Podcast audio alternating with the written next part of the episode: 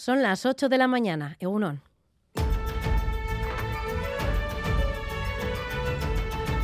Crónica de Euskadi con Irache Martínez. Después de que Macron aprobara por decreto la reforma de las pensiones, el presidente galo se enfrenta a dos mociones de censura. Mientras tanto, Francia ha vivido hoy su segunda noche de protestas por el decretazo de su presidente. En las últimas horas, solo en París, ha habido más de 60 detenciones. En los dos últimos días, en toda Francia, los detenidos rondarían los 400.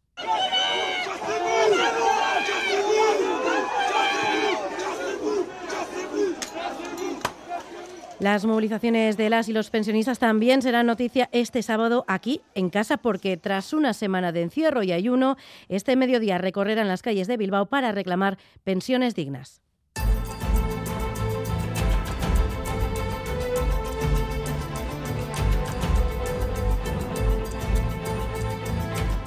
En las últimas horas, la Corte Penal Internacional ha emitido una orden de arresto contra, contra, Vladimir Putin por crímenes de guerra.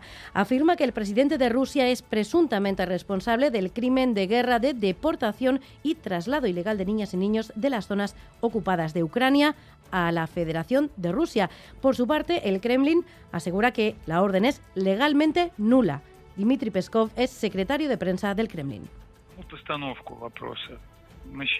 Consideramos que la misma formulación de la pregunta es escandalosa e inaceptable. Rusia, como varios estados, no reconoce la jurisdicción de este tribunal y, en consecuencia, cualquier decisión de este tipo es nula y sin efecto para la Federación Rusa desde el punto de vista de la ley.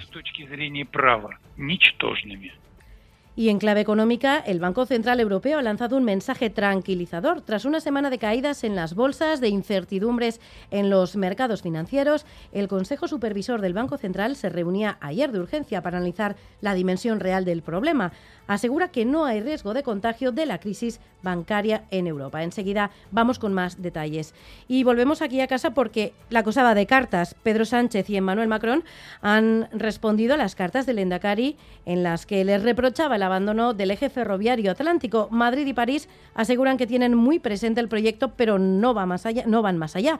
Macron, por un lado, evita comprometerse y no da fechas concretas, pero no son estas las únicas cartas que ha recibido el Endacari, porque hemos sabido que Sánchez ha respondido a otra de sus misivas en la que planteaba cuestiones relacionadas con las competencias pendientes. El presidente del gobierno español pide a Urcuyu que ponga en valor los logros alcanzados. Enseguida vamos con todos y estos asuntos, pero antes, como siempre aquí en esta portada, vamos con la actualidad deportiva. John Zubieta, Egunon. Hola, Egunon. El Athletic logró una convincente victoria por 1 a 3 ante el Valladolid. Íñigo Martínez, tras el saque de una falta, Guruceta y Vesga de penalti, fueron los autores de unos goles que colocan a los rojiblancos séptimos con 36 puntos a dos del sexto puesto del Villarreal. En la Liga Femenina, el Athletic se enfrenta este mediodía al Madrid Club de Fútbol a domicilio en vísperas de que Real Sociedad y Alavés Gloriosas se miden mañana en Zubieta. En segunda división, el Alavés está obligado a ganar esta noche a la Ponferradina para no quedarse descolgado de los puestos de privilegio. Y en pelota, el Labrit acoge esta tarde un nuevo duelo de la liguilla de las semifinales del campeonato del mano parejas entre Lasso, Imaz y el Orde y Zabaleta. Y por último, en balonmano femenino tenemos esta tarde un derby entre Zuazo y Betionac.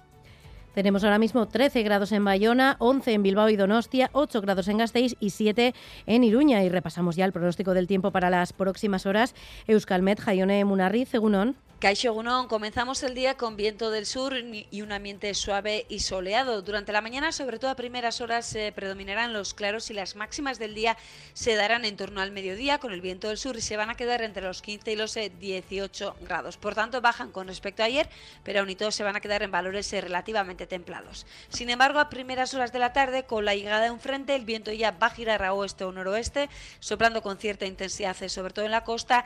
La nubosidad aumentará y comenzará a llover. Los chubascos se irán extendiendo de oeste a este y no se descarta que se produzcan algunos eh, chubascos puntuales de carácter tormentoso. Por tanto, a partir del mediodía, con la llegada de un frente, cambia la situación.